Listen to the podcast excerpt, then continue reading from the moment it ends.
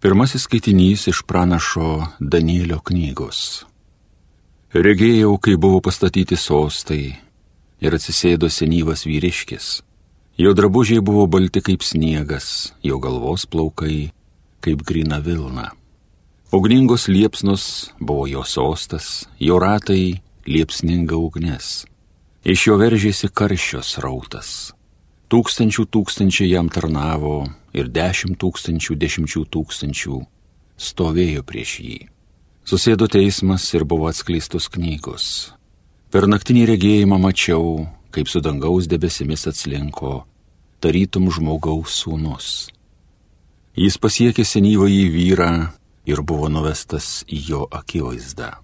Jam buvo suteikta valdžia, garbė ir karalystė visos tautos gentys ir kalbos turės jam tarnauti. Jo viešpatavimas amžinas, nesibaigiantis viešpatavimas. Jo karalystė niekad nežlugs. Tai Dievo žodis.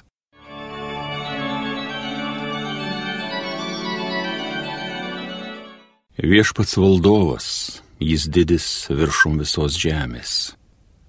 Viešpats pasaulio valdovas, te džiūgauja žemė, te krikštauja salos. Į juose debesys tamsaus, teisė, teisybė grįstas jo sostas. Viešpats valdovas, jis didis viršum visos žemės. Sutirpsta kaip vaškas kalnai išsigandę prieš viešpatį viso pasaulio valdovą. Byloja dangus apie jo teisingumą, jo garbingumą regi pasaulis. Viešpats valdovas, Jis didis viršum visos žemės. Didis tu viešpatie, viršum visos žemės, visų dievų tu aukščiausias. Viešpats valdovas, jis didis viršum visos žemės.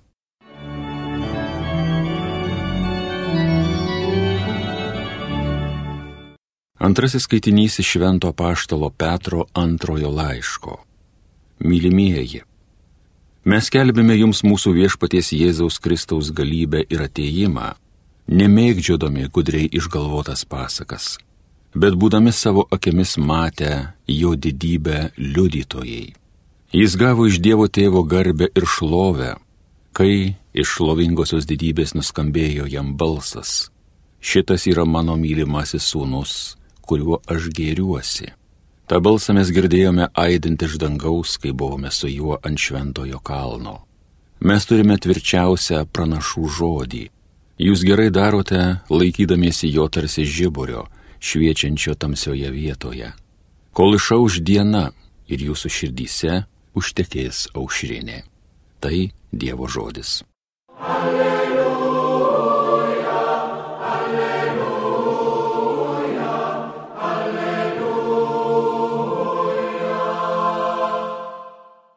Šitas yra mano mylimasis sūnus, kuriuo labai gėriuosi.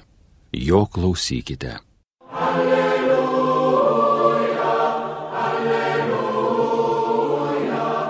alleluja.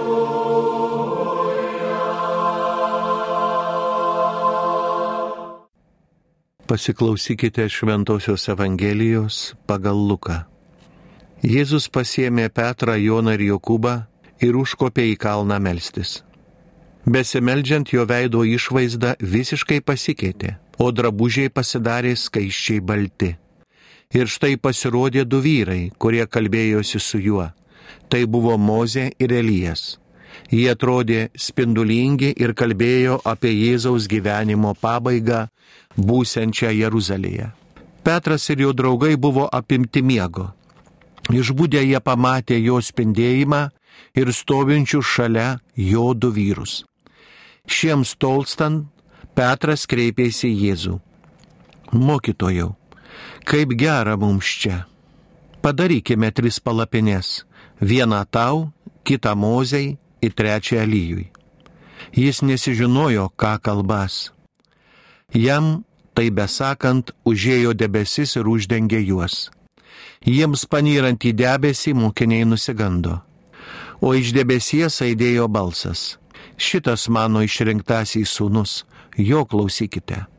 Balsui nuskambėjus, Jėzus liko vienas. o jie tylėjo ir tomis dienomis niekam nesakė apie savo regėjimą. Girdėjote viešpaties žodį.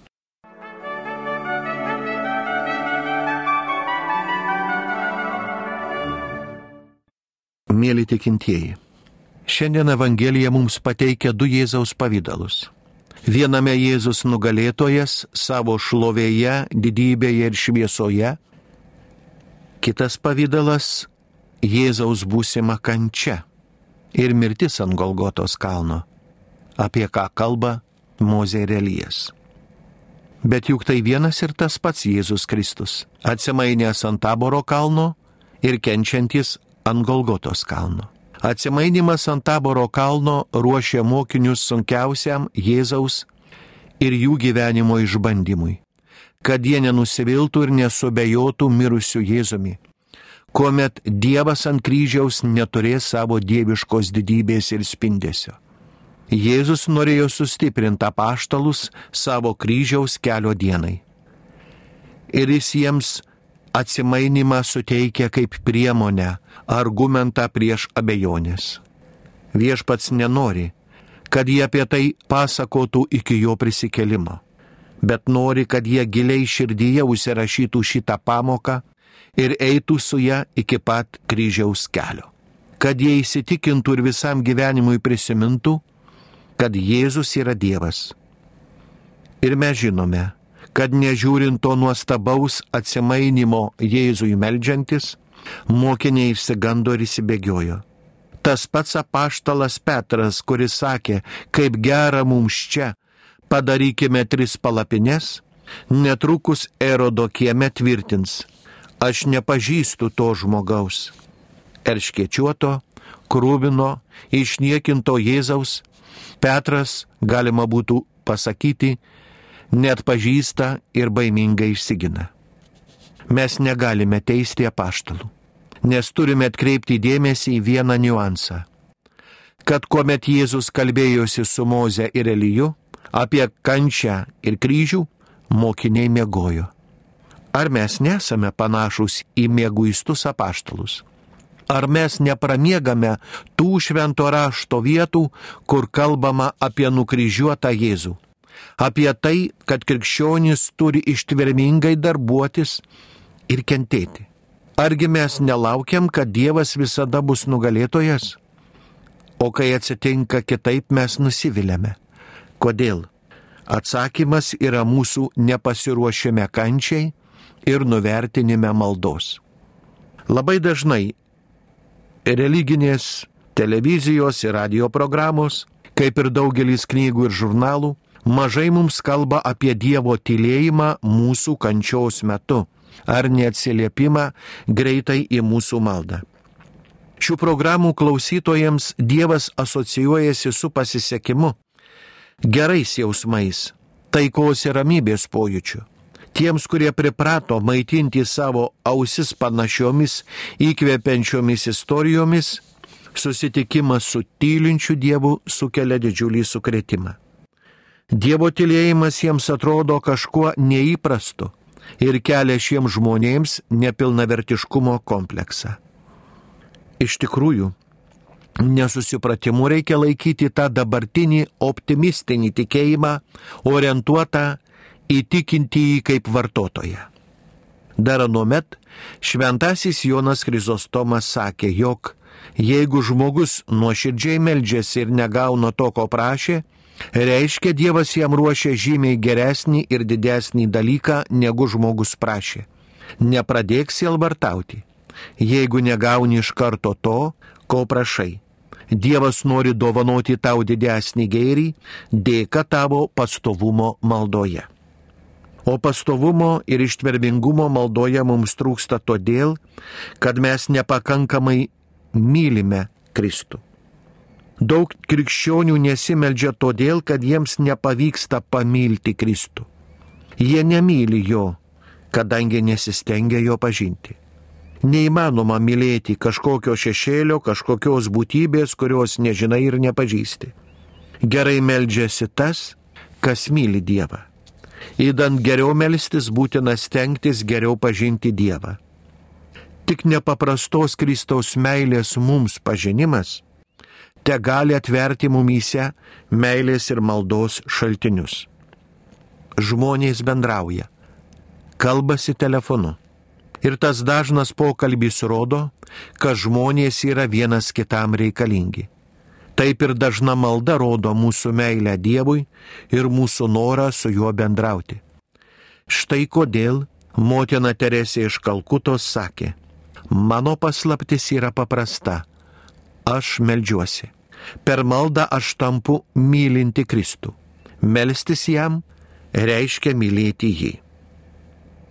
Brangieji, jeigu progą kalbėti su popiežiumi ar prezidentu mes laikome didelę garbę, tai pati didžiausia garbė yra galimybė kalbėti su Dievu.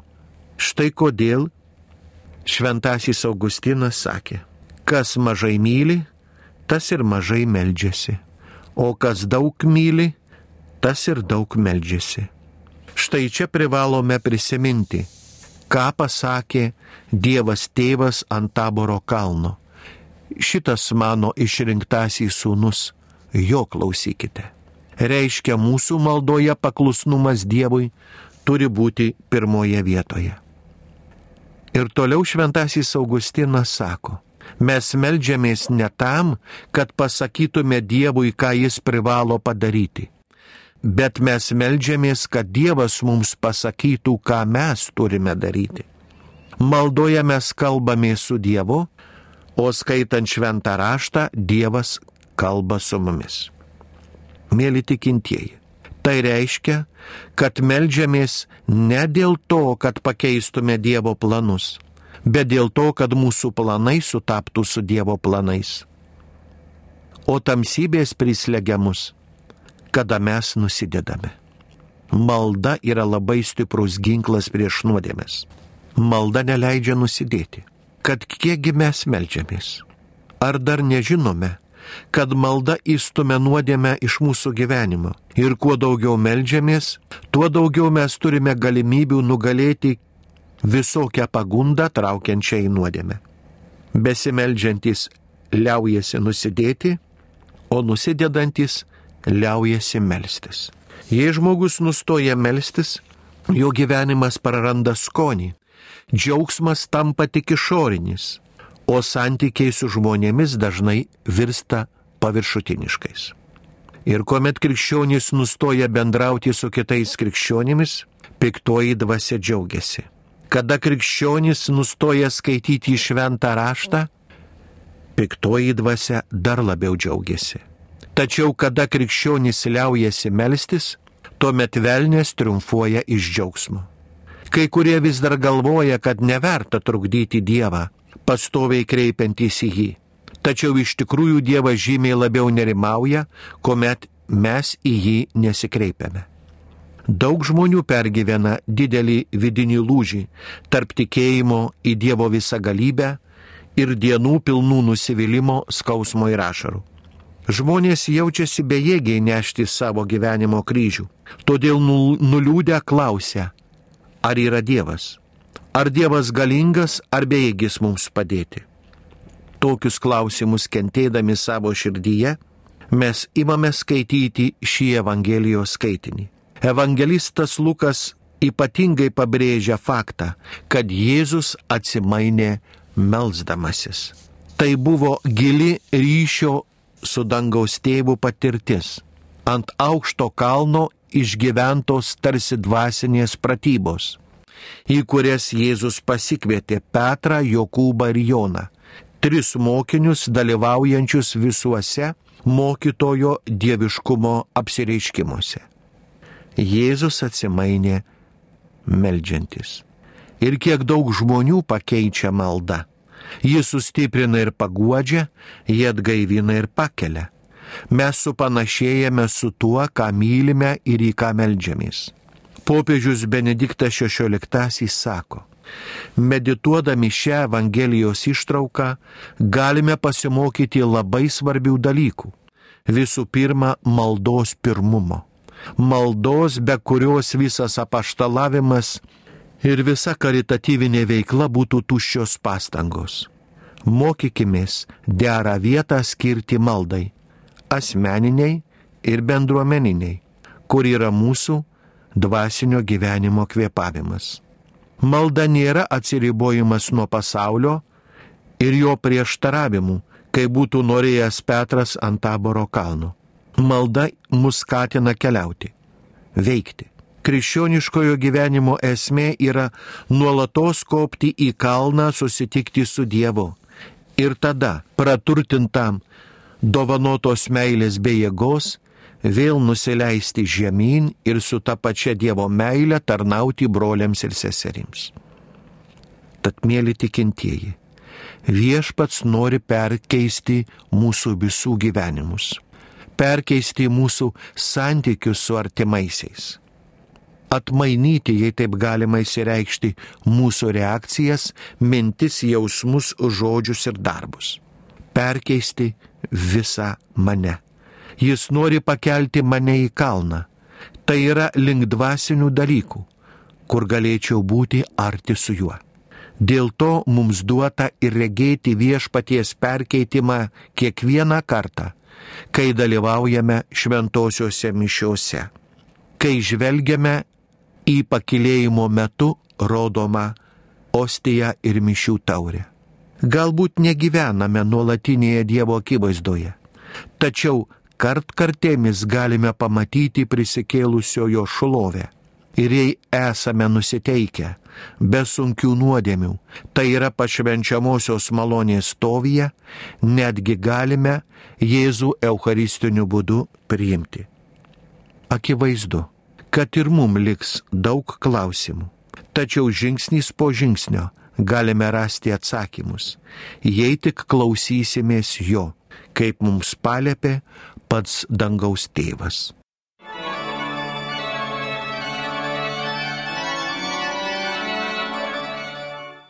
Homilija sakė teologijos mokslų daktaras monsinjoras Artūras Jėgelavičius.